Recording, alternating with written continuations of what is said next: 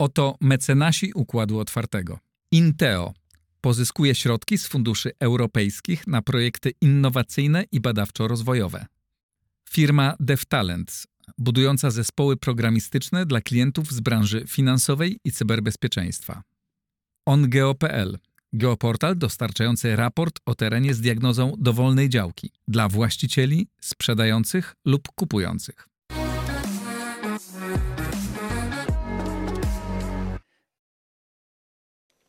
Dzień dobry Państwu, to jest specjalne wydanie Układu Otwartego nagrane tutaj w Mikołajkach podczas Europejskiego e, Kongresu e, Samorządowego.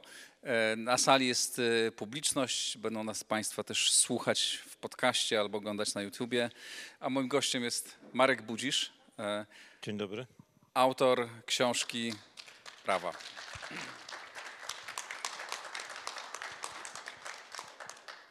Autor książki Samotna strate Samotność strategiczna Polski, o której zresztą już rozmawialiśmy e, w Układzie Otwartym.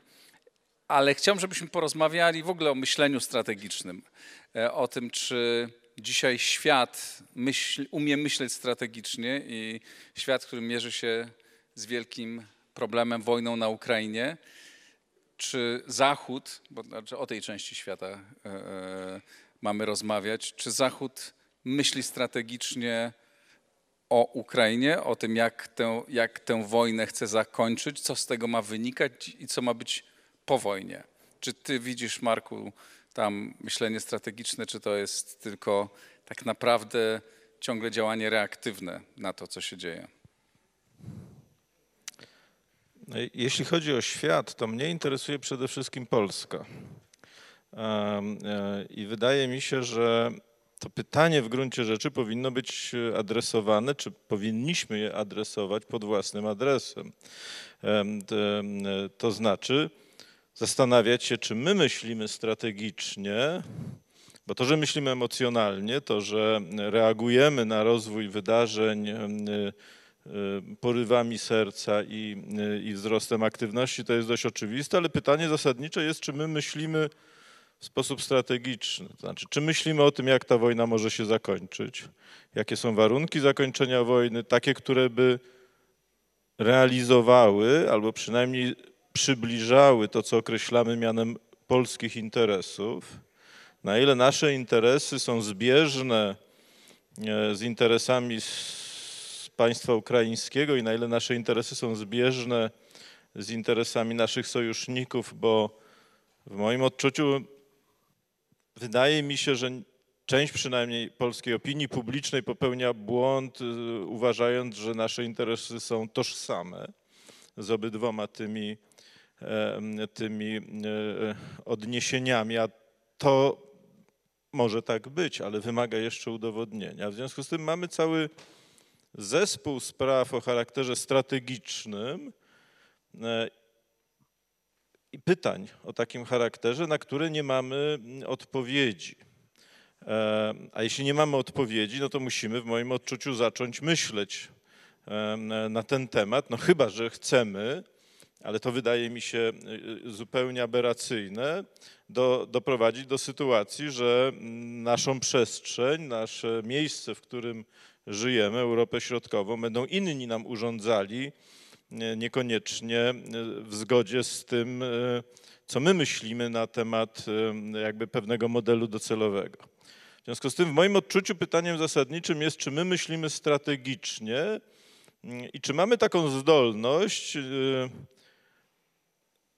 zimnej analizy sytuacji E, bo mm, często mówimy o tym, że Ukraina walczy o wolność, walczy mm, wręcz o istnienie e, narodowe i to jest wszystko prawda, ale jest pytanie, czy, tej, czy te konstatacje są wystarczające, żeby budować strategię polityczną państwa tak położonego jak Polska i państwa tak mm, z takim regionalnym znaczeniem. To jest cały szereg kwestii, które ja w tej książce sygnalizuję, stawiam, też sygnalizuję pewne odpowiedzi, ale wydaje mi się, że z myśleniem strategicznym w Polsce mm, delikatnie sprawę ujmując, nie jest najlepiej, a przynajmniej mamy jeszcze sporo, sporo do zrobienia i to wymaga pewnej, no, pewnego zastanowienia przede wszystkim i, i dyskusji.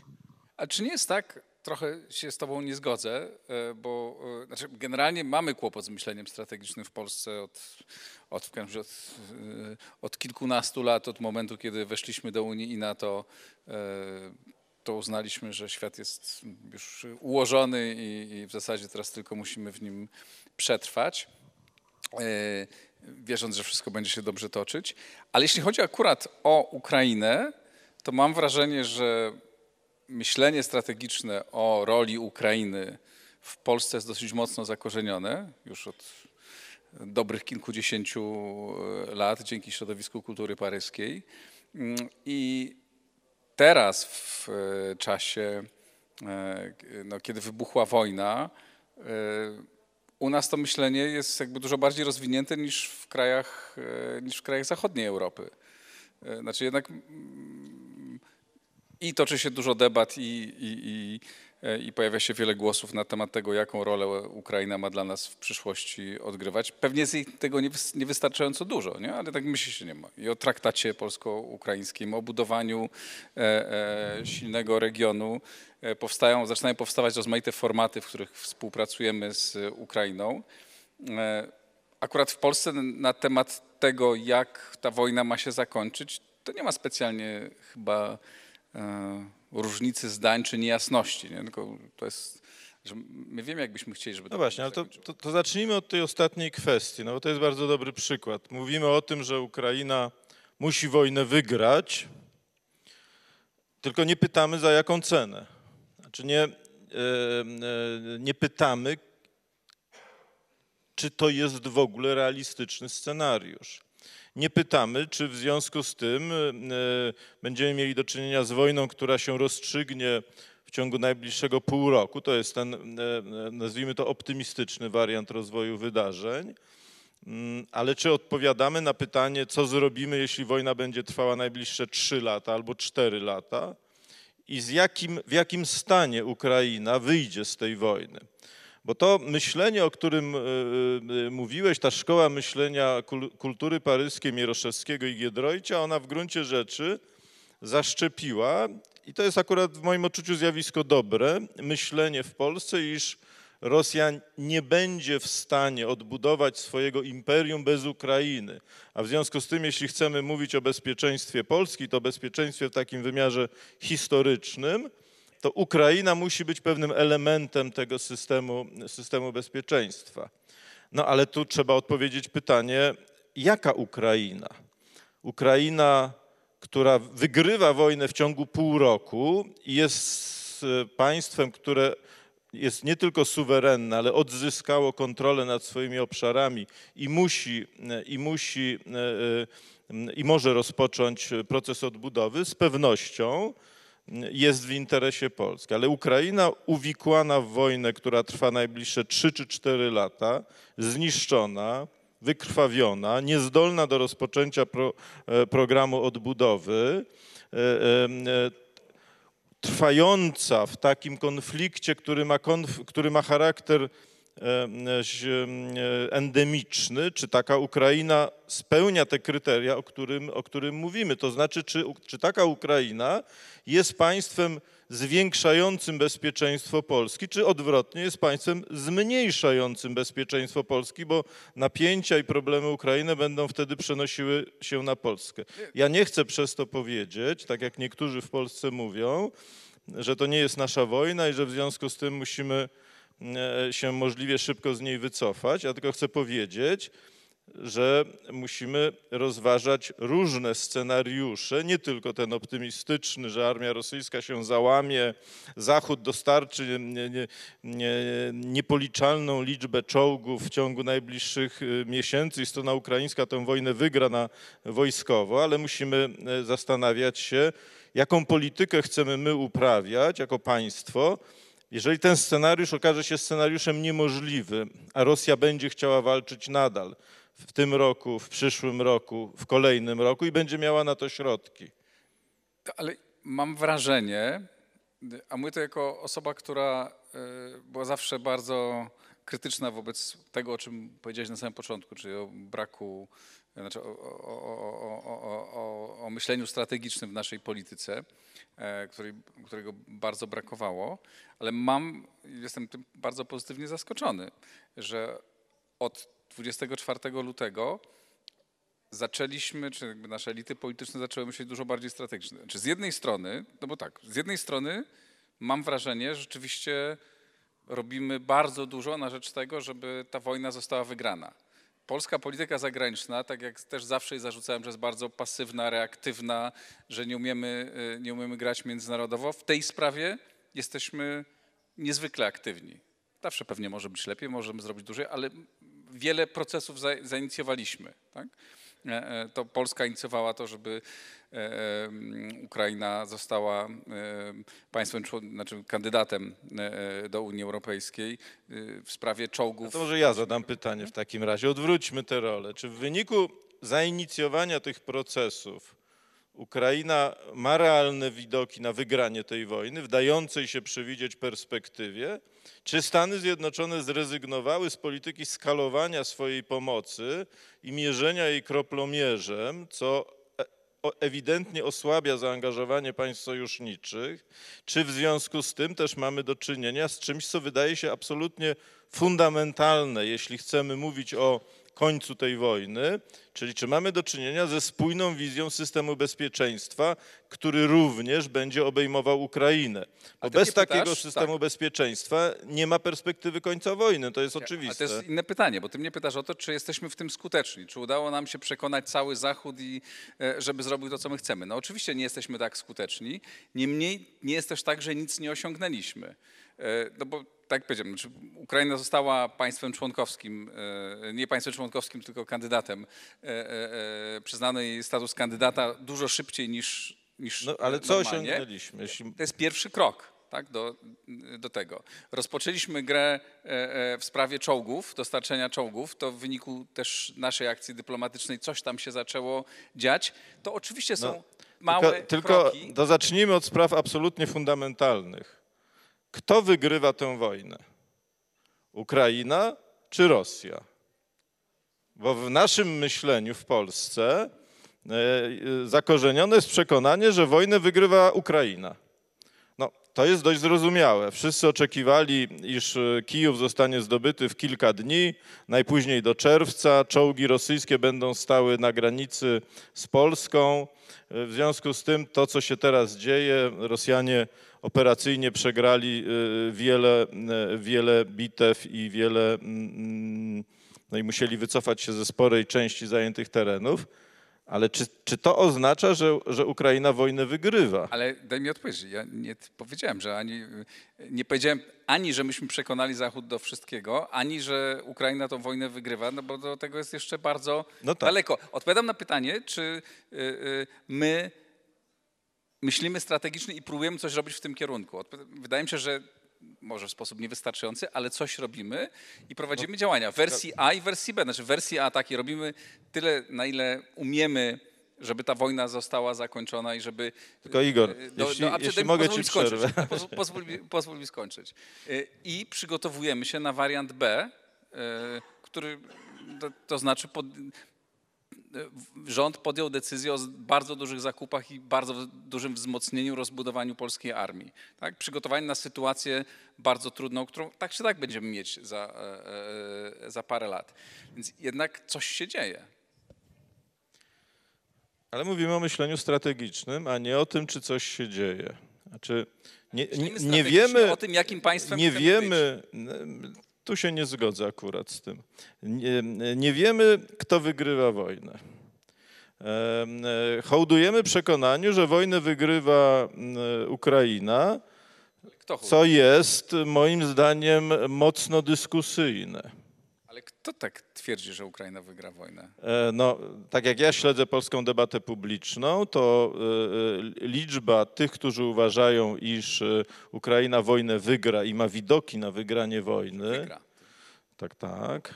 Ale jeżeli, jeżeli wygra, to znaczy, że jest na dobrej drodze do wygrania wojny. Więc tego nie mamy odpowiedzi na fundamentalne pytanie, kto wygrywa wojnę. Nie mamy odpowiedzi na fundamentalne pytanie, co to znaczy wygrać wojnę. To znaczy, jaki powinien by- być kształt ewentualnego porozumienia pokojowego. No chyba, że myślimy o tym, iż e, wygrana w wojnie ma przypominać koniec II wojny światowej na wzór sz- szturmu Berlina.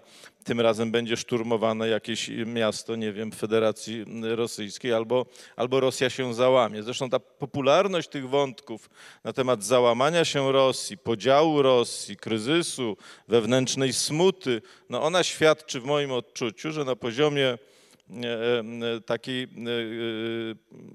refleksji publicznej w Polsce my jednak myślimy nie tylko życzeniowo, ale również w tych kategoriach, że zwycięstwo w wojnie ma w gruncie rzeczy raz na zawsze rozwiązać problem Rosji. Em, Co oznacza w moim, w moim odczuciu, tak jak ja rozeznaję sytuację, że my nie mamy planu politycznego, e, e, e, z, co, jak rozumieć e, zwycięstwo Ukrainy. E, Niemcy mają, my możemy się z nimi nie zgadzać, ale niemieccy eksperci mówią tak. e, Ukraina kontroluje 7 z 8 obwodów, które dają najwięcej PKB e, ukraińskiego i gdyby dzisiaj wojna zakończyła się e, akceptacją status quo terytorialnego, tak jak, e, tak jak on, e, ta przebiega linia frontu, to z punktu widzenia przyszłości Ukraina nadal jest państwem zdolnym do samodzielnego funkcjonowania, mającym wyjście na Morze Czarne i zdolnym do odbudowy ze względu na utrzymanie znaczącego potencjału rozwojowego. To jest punkt widzenia ekspertów niemieckich. Można się z tym ekspertem, z tym punktem widzenia nie zgadzać. Można proponować inne rozwiązania. Amerykanie wydaje mi się, że mają nieco inny pogląd w tej materii, ale jakie jest stanowisko Polski w tej materii? Się wydaje, że ono jest bardzo jasne. Stanowisko polskie jest takie, że e, robimy wszystko, żeby zwycięstwo Ukrainy oznaczało powrót do granic przed 2014 roku. Możemy się spierać, czy to jest realne, czy nie, ale nie jest, ja nie uważam, żeby to Ale było proponowanie, nierealne. proponowanie strategii, e, co do której e, niejasną jest kwestia, czy ona jest realna, czy ona jest nierealna, no to nie jest żadna strategia. Znaczy, No, ale- e, e, proponowanie strategii, która e, może się okazać nierealną, jest marzycielstwem politycznym, a nie, a nie budowaniem programu działania państwowego. Nie zgadzam się zupełnie. Dlaczego nie może, znaczy, dlaczego nie mamy stawiać sobie celu, znaczy jak się, jak się dąży do czegoś, no przecież nie wiemy, czy ten cel osiągniemy, tak? Musimy sobie wyznaczyć jakiś cel, do No ale którego właśnie- dążyć. Ten cel może, możesz uważać, że on jest nierealistyczny, można uważać, że on jest realistyczny.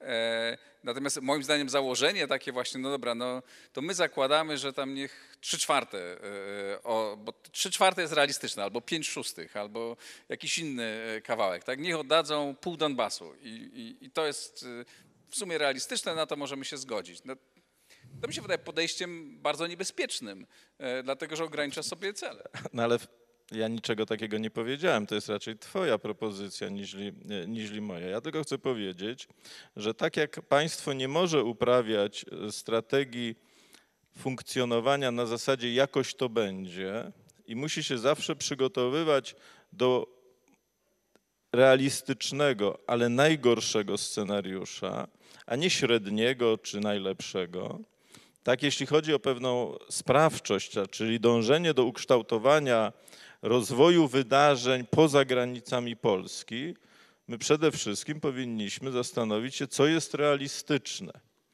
A potem e, e, w ramach różnych scenariuszy realistycznych zastanowić się, co jest w zasięgu naszych możliwości i co realizuje nasze interesy. I- powiedzieć swoje zdanie, swoją koncepcję strategii potrzebnej w wariancie A, B, C na przykład.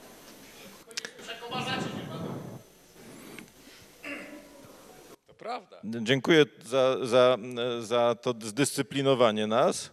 Ja trochę, trochę piszę o tym w książce e, i proponuję, żebyśmy my jako państwo e, zaproponowali e, pozytywną odpowiedź na to, co formułowała strona ukraińska latem ubiegłego roku, e, e, e, budując tak zwany Kijów Security Compass. Oni tam zbudowali pewną wizję systemu bezpieczeństwa, który powinien obejmować Ukrainę i który powinien zastąpić obecną i który powinien być realizowany w, w momencie, kiedy wojna zostanie zakończona. A mianowicie wizja dwustronnych, bilateralnych paktów wojskowych z udziałem zarówno państw sąsiadujących z Ukrainą, jak i państw, które będą chciały się przyłączyć do tego rodzaju, do tego rodzaju y, y, y, zobowiązań.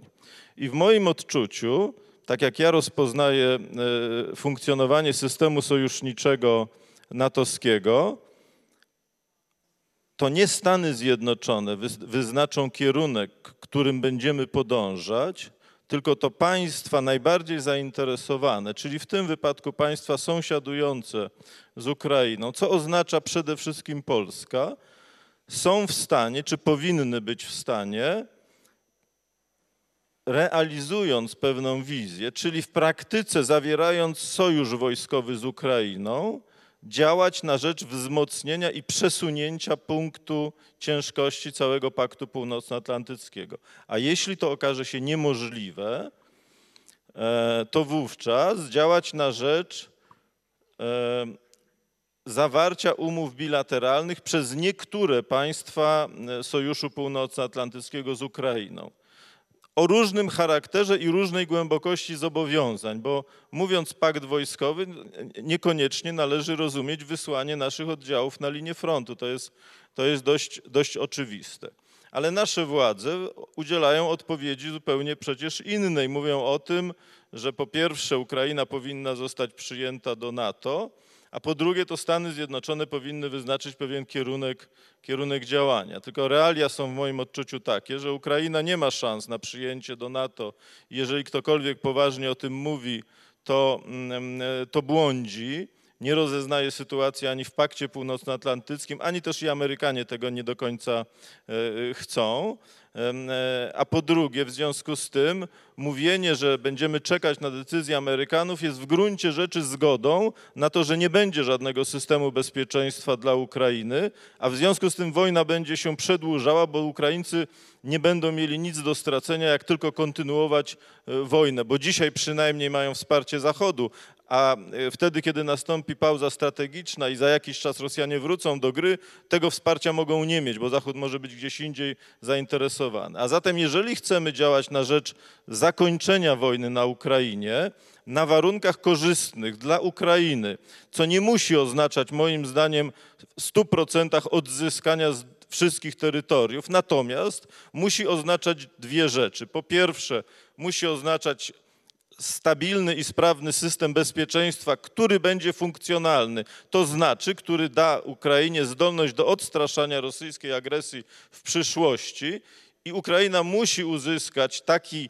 taką kontrolę nad własnym, nad własnym terytorium, żeby uruchomić proces odbudowy i w efekcie być w stanie utrzymać armię, którą chce zbudować, bo mówi o tym, e, że chce być Izraelem, Izraelem Wschodu. Z gospodarką, która e, dzisiaj e, e, generuje 120 miliardów dolarów PKB, utrzymanie armii wielkości Izraela, a Ukraina chce mieć większą, jest niemożliwe. Izrael wydaje 20 miliardów dolarów rocznie na swoje siły zbrojne, a w związku z tym mówienie, możemy o tym dużo mówić, ale to jest, to, ale to jest mrzonka.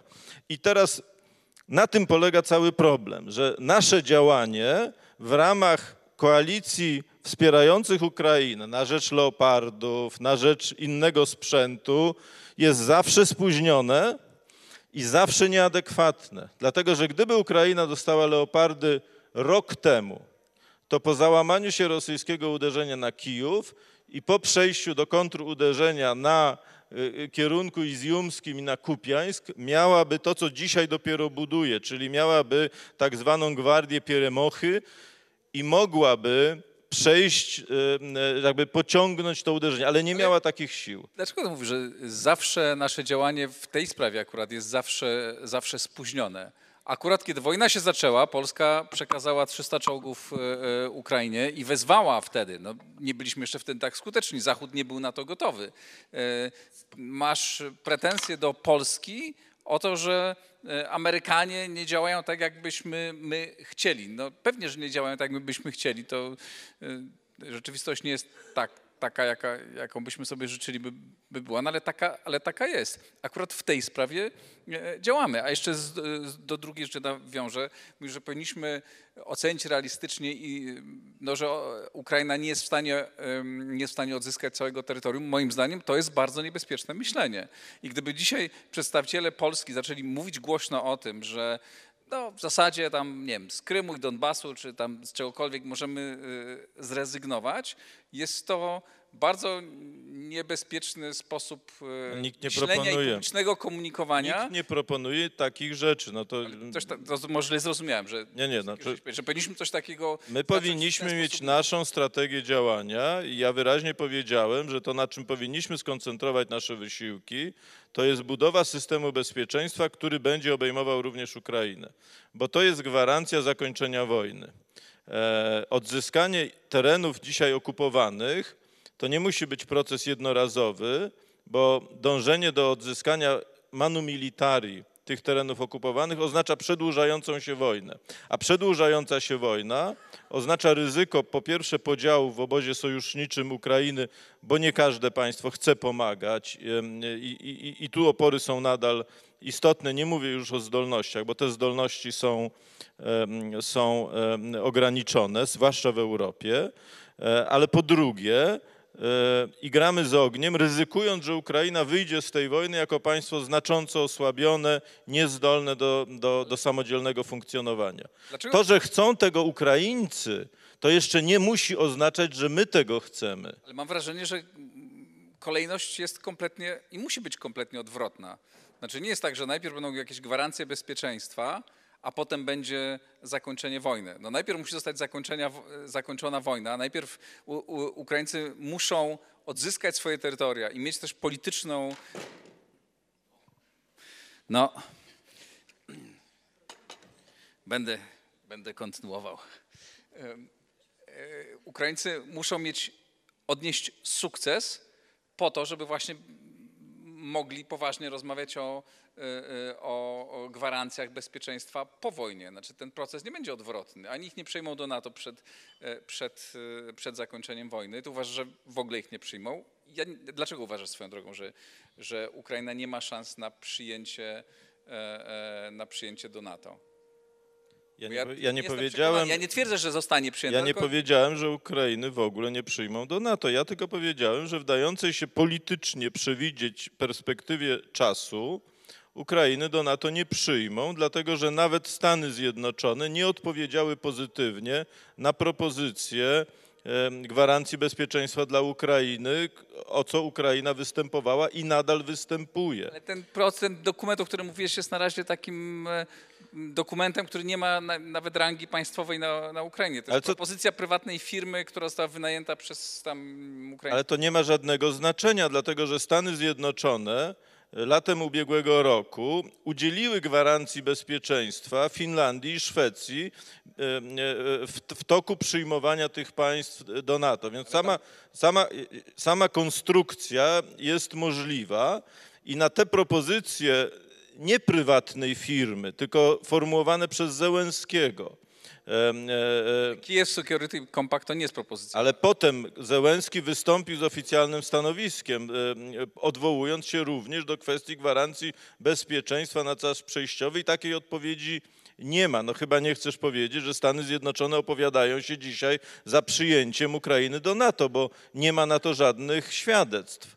A w związku z tym w ramach realistycznej polityki, a za taką się opowiadam, powinniśmy jakby wiedzieć, jakie jest stanowisko naszego głównego sojusznika. I stanowisko naszego głównego sojusznika dzisiaj jest takie, że nie ma mowy o przyjęciu Ukrainy e, do NATO w dającej się przewidzieć perspektywie czasowej. Moim zdaniem nie ma takiego stanowiska. Nasz największy sojusznik po prostu nie wyraził swojego stanowiska, tak samo jak nie wyraził swojego stanowiska w sprawie tego, jakie będzie tam, e, czy im przekaże e, rakiety dalekiego zasięgu, czy nie, bo wiemy, że stopniowo to tak w sposób, który nam się średnio podoba, tak? Przekazuje te rzeczy, my dzisiaj tyle, a jutro porozmawiamy, zastanowimy się nad krokiem następnym. No ale, ale, A wa- w Stanach Zjednoczonych nikt nie powiedział, że No to ani właśnie że przyjdziemy rozu- do NATO, ani że nie przyjmiemy No to właśnie, y, właśnie dlatego, że nie mamy precyzyjnego określone, precyzyjnie określonego stanowiska, powinniśmy założyć, że to stanowisko jest zmienne. A ponieważ nie jesteśmy w stanie określić, czy zmiana tego stanowiska Stanów Zjednoczonych zajmie rok, dwa lata czy dziesięć lat, bo nikt tego nie jest w stanie określić, no to z tego wynika dość prosty wniosek, że w dającej się przewidzieć perspektywie Ukraina nie ma szans na przyjęcie e, do NATO, a przynajmniej jest to bardzo niejasne, już abstrahując od innych Że stanowisk. coś jest niejasne, to nie znaczy, że jest niemożliwe. To się w ogóle z tym nie zgadzam. Znaczy, y, Oczywiście, Uważam, no- że jeśli Ukraina wygra wojnę, tak jak chciałaby Jak ją ma wygrać, wygrać, Igor? Proszę cię, nawiąż kontakt z rzeczywistością. Jak ma wygrać wojnę? Tymi 130 leopardami? kolejnymi y, zakładamy, że y, i o to walczymy, żeby te dostawy były zwiększane. To będziemy tak walczyć przez najbliższe 5 lat. Ale, co, no, ale wobec tego... Masz gwarancję, że będzie tak krócej? Ale nie mam żadnych... Gdyby Tylko, miałem- że ale, ale, wojna trwa nadal i państwo inaczej. ukraińskie ulega systematycznemu osłabieniu. Mamy 120 miliardów e, dolarów PKB ukraińskiego. Mamy 20%, tak, to jest 120 miliardów. Taki jest dzisiaj PKB Ukrainy. Mamy 30% inflację. Mamy 50% deficyt budżetowy Ukrainy. 38 miliardów dolarów to jest pomoc dla, do budżetu Ukrainy w tym roku, tylko po to, żeby Ukraina mogła funkcjonować. To jest realny dzisiaj stan państwa ukraińskiego. Jednocześnie jest też tak, że jest na zapleczu zmobilizowanych, tak jak mi niedawno powiedziano, nie mam potwierdzenia, bo oczywiście nie mamy tych informacji, bo wielu rzeczy nie, nie, wiemy.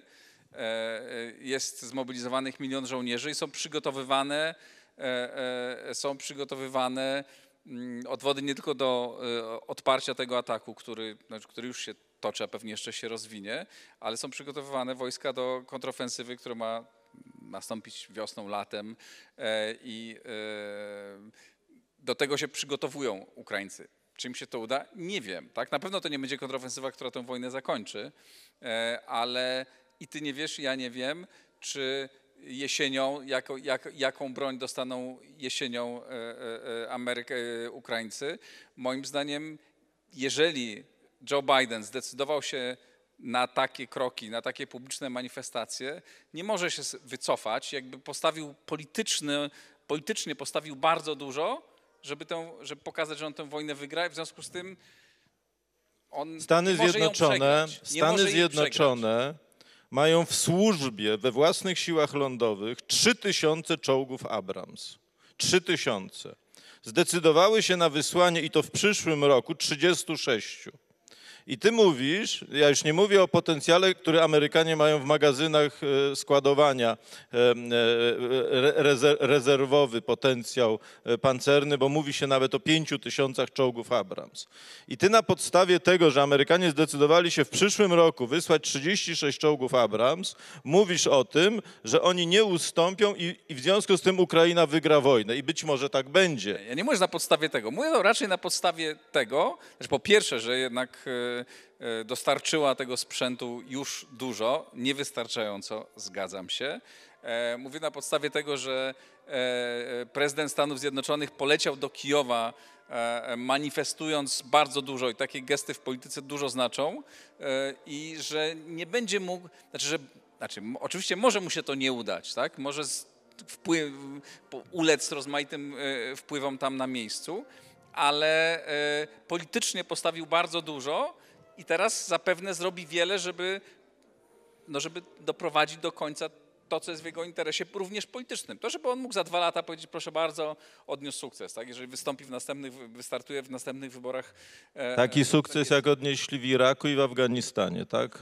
Taki sukces jak w Iraku i Afganistanie. Ale, no, tam był kompletny fuck up, ale tutaj... No, może A tutaj nie dlatego, będzie. Że może, A ile wojska było zaangażowane amerykańskiego w Iraku, ile było zaangażowane w Afganistanie, a ile jest zaangażowane na Ukrainie? Ale dlaczego uważasz, że, yy, znaczy dlaczego uważasz, że to Bo- się nie może stać? Znaczy, Postaram to, tam- się zrozumieć źródła twojego optymizmu. Umiarko, bardzo umiarkowanego, ale jednak, e, jednak optymizmu. No one są takie, że owszem, w Afganistanie to była porażka, wielki błąd. Myślę, że to też zmobilizowało go do tego, żeby tu zagrać inaczej, żeby pokazać również własnej publiczności, zobaczcie, jestem twardym, skutecznym politykiem, który umie osiągać swoje cele. E, I, A gdzie tu e, polskie interesy w tym? Słucham?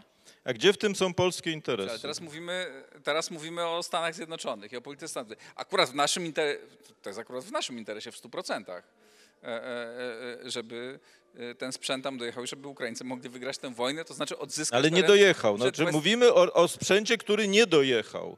Znaczy, Znaczy być może dojedzie. doje- dojechało już bardzo dużo, ja akurat rozmawiałem z Ukraińcami, to z, e, e, To jeżeli tak bardzo dużo dojechało, to dlaczego Rosjanie kontrolują nadal 20% ukraińskiego terytorium, mimo że Ukraina ma większą liczebnie armię i, i wię, lepsze dowództwo i lepszą wolę walki? Bo nie dojechało tego, ale nie twierdzę, że dojechało tego wystarczająco dużo. Powiedziałem, że tego zajęło bardzo dużo, lecz ciągle nie wystarczająco o, dużo. No i to ciągle ile twoim zdaniem będzie trwało? Bo może jeszcze trzy lata. Nie wiem, nie mam takich A informacji. no właśnie, no i to jest ten, ten scenariusz, o którym mówimy. Scenariusz przedłużającej się wojny aż do momentu, kiedy Ukraina wygra. Dlatego- Tylko widoków tego zwycięstwa dzisiaj nie ma. Być może stanie się to za pół roku, a być może się nie stanie. Tak. Są tacy, którzy uważają, że się nie stanie, e, bo zmienia się nastawienie opinii publicznej w Stanach Zjednoczonych, a są tacy, którzy mówią, że republikanie wygrają wybory i, i Ameryka w ogóle zrewiduje swój Zgadzam. pogląd. Jeżeli, jeżeli y, ta, tu się... Tu To na czym budujemy naszą polską strategię? Tutaj, daj, mi- powiedzieć. E, e, Jeżeli republikanie, znaczy jeżeli do końca następnych wyborów e, ta wojna się nie zakończy albo już tak się no, nie przychyli zdecydowanie w jedną stronę, to może być słabo. Mam nadzieję, że do następnych wyborów. No właśnie, może stanie. być słabo. To Natomiast stop- jaki mamy plan B? E, zakład, znaczy, to, o czym powiedziałem, po- mówiliśmy o tym na samym początku, to jest plan, który jakby jest konieczny i to niezależnie od tego, czy Ukraina wygra, czy przegra, znaczy budowa bardzo silnej armii, e, e, którą ten rząd realizuje. Być może realizuje, ja nie jestem specjalistą, ty się na tym e, zapewne lepiej znasz, a twoi, a twoi koledzy e, e, zapewne w Strategy and Future. Ja nie umiem określić tego, czy tych Heimarsów, Abramsów, F-ów 35 innych kupujemy na pewno tyle, ile trzeba i to jest bardzo przemyślane do końca. Natomiast wydaje mi się, że to kierunek jest jak najbardziej sensowny. Znaczy, no to właśnie my teraz realizujemy strategię budowania e, e, e, twierdzy Izrael i niestety jest to konieczne. No. Ale wydaje mi się, że to jest właśnie również przygotowywanie się na, na, na, na wariant B. No bo jak inaczej możemy się przygotować? To jeżeli ty masz zadać konkretne pytanie, żeby posunąć dyskusję dalej do przodu, żeby Pan swoją koncepcję przedstawił, bo głównie po to przyszliśmy, e, bo Pan to pięknie do tej pory w wielu e, wykłada. E, Ale proszę dopowiedzieć, to moim zdaniem bardzo ważne. Pan powiedział, że e, powiedzmy zakładamy, że za pół roku albo za rok, gdy będzie remis ze wskazaniem dla Ukrainy, powiedzmy bardzo ogólnie powiem, tego wyniku i będzie przerwa pokojowa. I w tej sytuacji Pan mówi, że nie nagrywa. w tej sytuacji, e, w której jesteśmy, może chciałem zapytać, Pan jest znakomitym specjalistą, e, jeśli idzie o strategię, jeśli idzie o relacje e, polsko-ukraińskie e, w kontekście Ameryki, w kontekście Zachodu. Patrzy Pan strategicznie. I Pan zapowiedział, że w istocie e, w po przełomowym momencie w konflikcie rosyjsko-ukraińskim Polska będzie powinna zawrzeć sojusz dwustronny z Ukrainą i jeszcze inne państwa. Pytam, które inne państwa? Bo jeśli Polska, tylko Polska zawrze sojusz z Ukrainą, to w tej sytuacji będzie wciągnięta w istocie do wojny za rok, za dwa, za trzy. I to jest, nie jest to absolutnie w interesie Polski i to jest tylko po prostu samo wproszenie się, jeśli nie będzie innych państw. Były gwarancje e, mińskie, wcześniej były amerykańsko-angielsko-francuskie.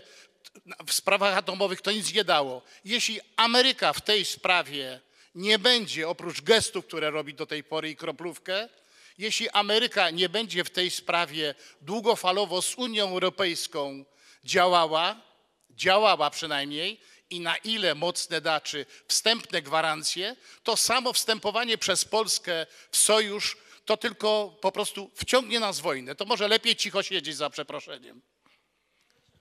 No to- Nie, oczywiście trzeba pomagać Ukrainie, oczywiście trzeba wspierać, trzeba działać aktywnie, ale czy, czy Niemcy się włączą? Czy Francja się włączy? Czy tylko my z państwami prybałtyckimi mamy załatwić tę sprawę trójstronnymi, czterostronnymi małymi sojuszami? No to Marku. No to zależy od tego, jak rozpoznajemy sytuację, w której się w wyniku wojny znaleźliśmy. Ja już rok temu na tym kongresie mówiłem, iż w sensie strategicznym Polska i Ukraina dzisiaj w percepcji rosyjskiej stanowią jedność. Dlatego, że Ukraina nie byłaby w stanie bronić się tak długo, gdyby nie postawa Polski. E, Gdyby Polska uprawiała taką politykę jak Węgry na przykład, to Ukraina nie byłaby w stanie tak długo kontynuować oporu. Dla rosyjskiego myślenia strategicznego oznacza to, że jeżeli chce się opanować Ukrainę, to należy obezwładnić Polskę. A to oznacza, że strategia siedzieć cicho, jak pan y, zaznaczył, jest strategią, y, która nie będzie skuteczna, bo i tak zostaniemy wciągnięci do wojny. To jest jakby pierwszy element. Drugi element, przynajmniej mojego myślenia, jest następujący. Ja nie jestem takim optymistą jak Igor, jeśli chodzi o przełom w amerykańskim myśleniu na temat zaangażowania w wojnie na Ukrainie. Znaczy nie wykluczam, że będzie narastała, na- że będą narastały dostawy sprzętu, również i jakościowo zmieni się to, co e, Ukraina e, dostaje. Natomiast przynajmniej dzisiaj nie mamy przełomu w tej materii i nie mamy też nawet rozważań w Stanach Zjednoczonych na temat tego, czy wysłać e, własne oddziały na Ukrainę, co oczywiście nie musi oznaczać bezpośredniego zaangażowania w walkę, bo na przykład Ukraina utrzymuje dzisiaj dwie brygady, e, żeby e, e, e, utrzy- szachować siły rosyjskie znajdujące się w Naddniestrzu. W związku z tym można sobie wyobrazić sytuację, że Amerykanie przysyłają, czy NATO lub inni sojusznicy Ukrainy przysyłają wojska, które luzują te dwie brygady i te dwie brygady mogłyby iść walczyć, ale tego rodzaju dyskusja w ogóle nie jest prowadzona, mianowicie uważa się nadal w Stanach Zjednoczonych i w NATO, że jest kwestią rozsądnej polityki, niekwestionowanej, iż, tak jak to Biden mówił, no boots on the ground, tak? czyli nie dajemy naszych żołnierzy e, e, A tu uważasz, że powinni wysłać Amerykanie swoich Ale, żołnierzy? Igor, jeśli mo mogę skończyć, przepraszam, myśl. Ja tylko mówię, że taka decyzja nie została podjęta. W związku z tym przekonanie, że Amerykanie jakościowo zmienią swoje zaangażowanie, jest niczym innym jak tylko wishful thinking.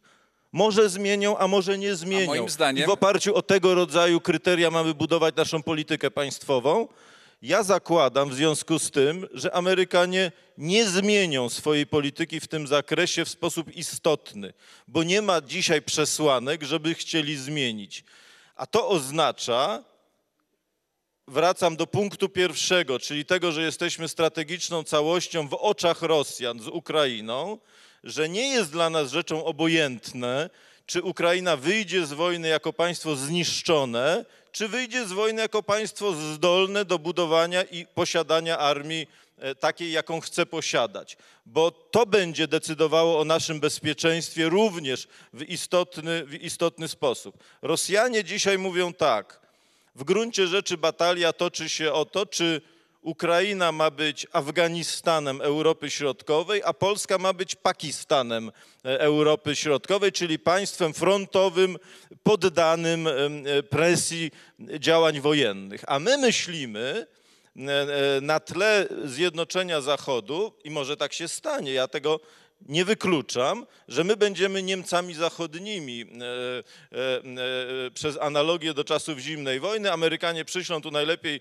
300 tysięcy żołnierzy, umocnią, zrezygnują z rotacyjnej formuły, tylko póki co i to są, Igorze, realia, a nie nasze marzenia na ten temat. Póki co nasza propozycja w sprawie wypowiedzenia traktatu Rosja-NATO z 1997 roku, a to w tym traktacie jest zapisane zobowiązanie stron nierozmieszczania w państwach Europy Środkowej wojska w innym trybie niż rotacyjne, już nie mówię o instalacjach o charakterze nuklearnym. To na nasze propozycje w tym zakresie formułowane przed szczytem NATO w Madrycie odpowiedź była negatywna i to nie tylko ze strony Niemiec, ale również ze strony Stanów e, Zjednoczonych. Ten, ten traktat jest papierem tak naprawdę niczego, niczego nie wartym.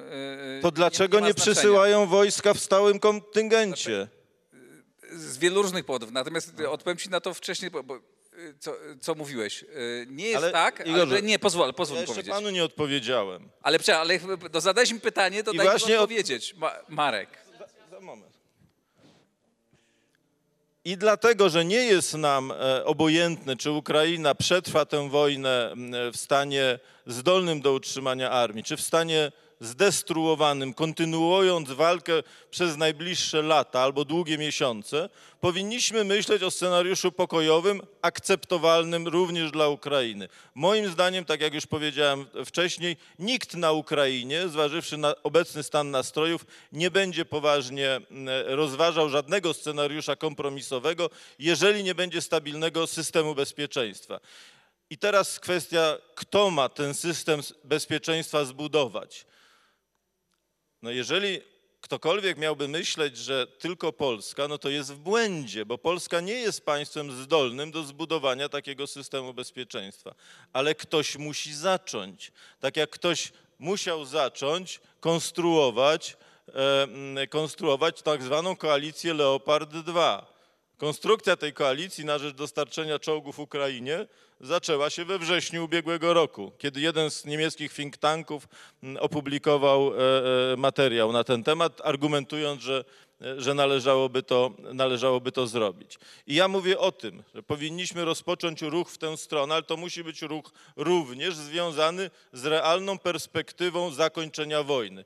I teraz nie ma sporu między kwestią dostaw, a kwestią zakończenia wojny. Dlatego, że ja uważam, że żeby Ukraina mogła realnie zakończyć wojnę, to musi możliwie szybko dostać możliwie dużo broni, żeby była w stanie odbić możliwie duże obszary dzisiaj okupowane przez Rosjan i być może albo doprowadzić do, do, do rozmów pokojowych, jeżeli Rosjanie będą chcieli, albo, ale, albo jeżeli nie będą chcieli, y, dysponować takim potencjałem, że będzie w stanie, umownie rzecz biorąc, zbudować sytuację porównywalną z Koreą.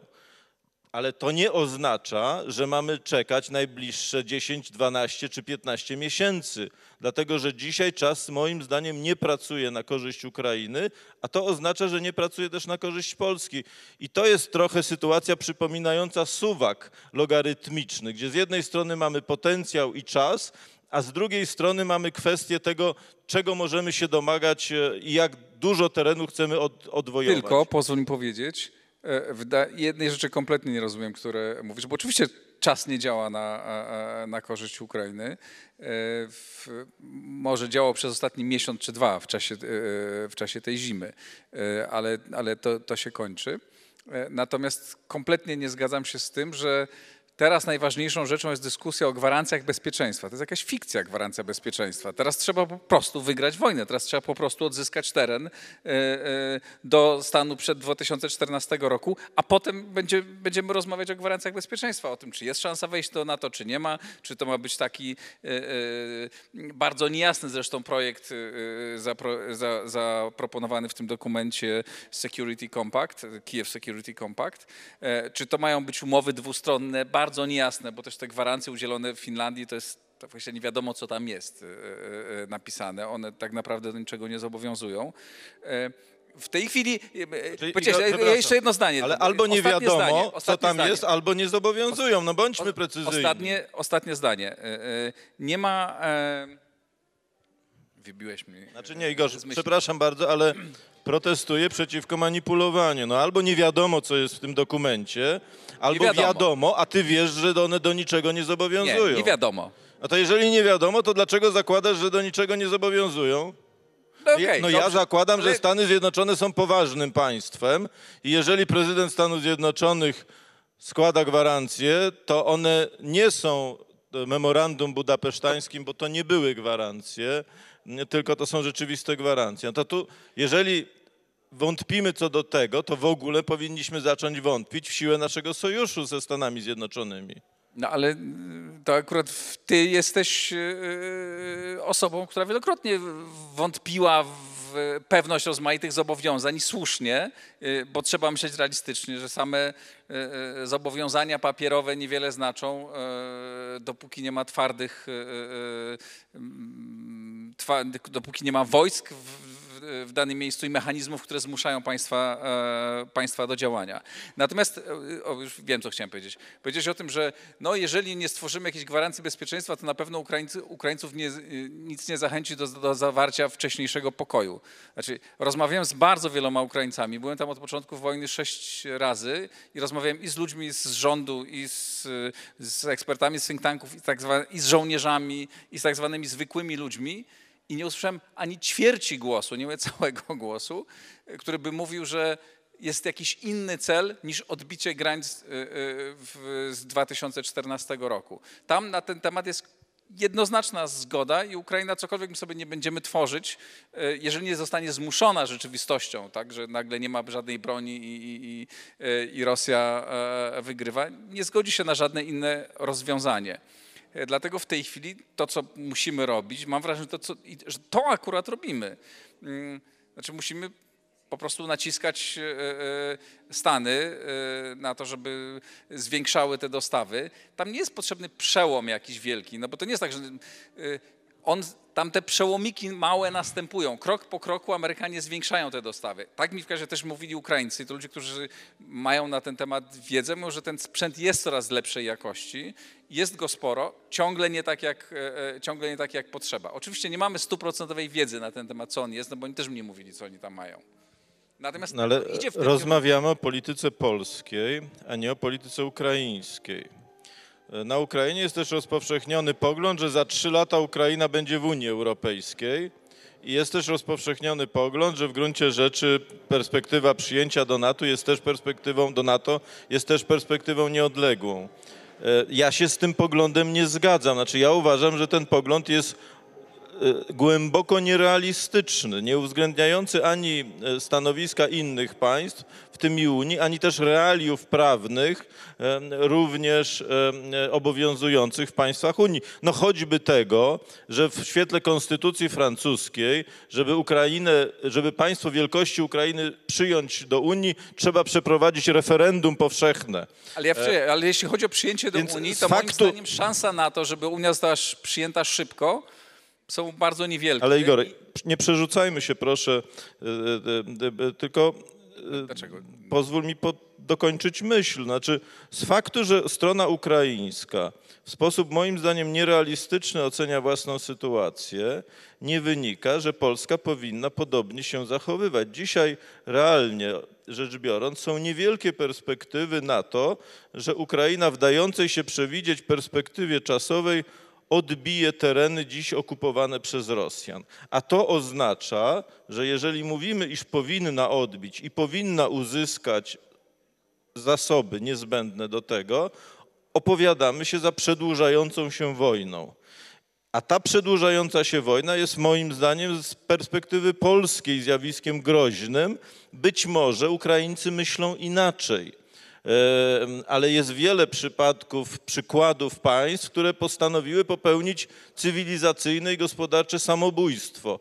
I dzisiaj moim zdaniem, jeżeli Ukraińcy będą chcieli kontynuować wojnę za wszelką cenę, wiele na to wskazuje, że tak będzie, to są gotowi popełnić polityczne samobójstwo, dlatego że destrukcja organizmu gospodarczego Ukrainy jest dzisiaj tak daleko posunięta, że ona będzie się pogłębiała. Sami Ukraińcy opracowali program odbudowy Ukrainy, który mówi o tym, że jeżeli Ukraina będzie się odbudowywała w tempie i ukraińskie PKB będzie rosło w tempie 7,5% rocznie, czyli w skali niespo, niespotykanej w Europie, to przez najbliższe 10 lat Ukrainie uda się odbudować potencjał gospodarczy sprzed wojny.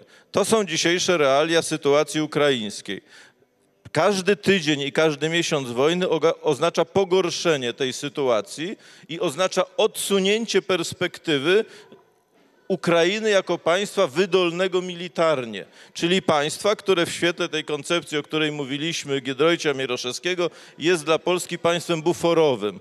Jeżeli Ukraina nie będzie miała zdolności być państwem buforowym, czyli nie będzie miała za, majątku, zasobu i sił, żeby dysponować armią zdolną odstraszać Rosję, to rola odstraszania Rosji nam przypadnie, ale jeszcze dodatkowo odziedziczymy wszystkie problemy związane z des, z, ze zdestruowaną państwowością ukraińską. Pewną przenośnią e, e, tego, o czym mówimy, jest sytuacja, w której tu się e, znajdujemy. Rozmawiamy o sprawie życia i śmierci egzystencjalnej. Za nami jest próba zespołu, który, rozumiem, za chwilę rozpocznie koncert i wojna się toczy obok koncertu. Nie pierwszy raz w historii tak było. E, Nie zgadzam się z e, Twoją opinią, że myślenie ukraińskie jest nierealistyczne i samobójcze. E, To się nie zgadzam fundamentalnie, ale pięknie, że się różnimy takie rozmowy są bardzo potrzebne. Zachęcam Państwa do przeczytania książki Marka Budzisza. E, Uważam, że to książka znakomita i mam wrażenie, że niektóre rzeczy formułujesz inaczej w tej książce niż podczas tej dyskusji, a dzięki temu zaskoczyłeś mnie trochę i ta rozmowa potoczyła się zupełnie inaczej niż e, planowaliśmy, nawet niż się umawialiśmy, ale to bardzo dobrze i bardzo Ci za to dziękuję.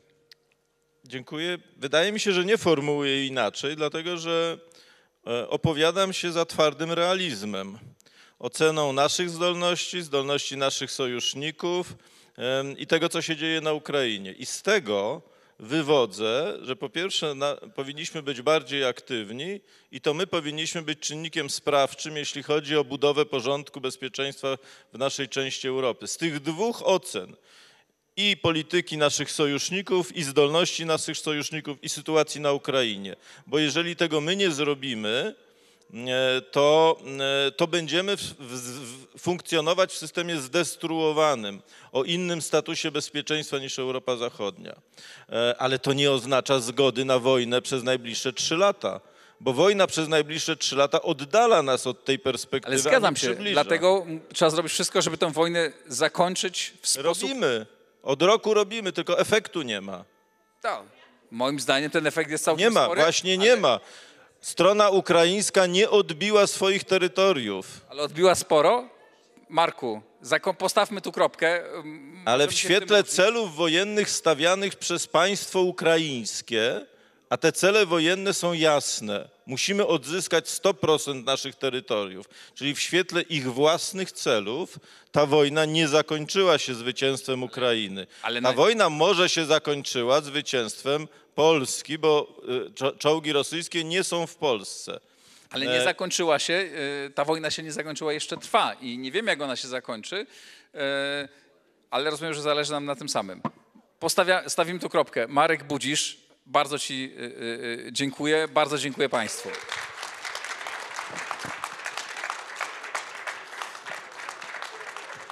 Przygotowując odcinki Układu Otwartego, korzystam z serwisu Infopiguła. Link do Infopiguły znajdziecie pod nagraniem.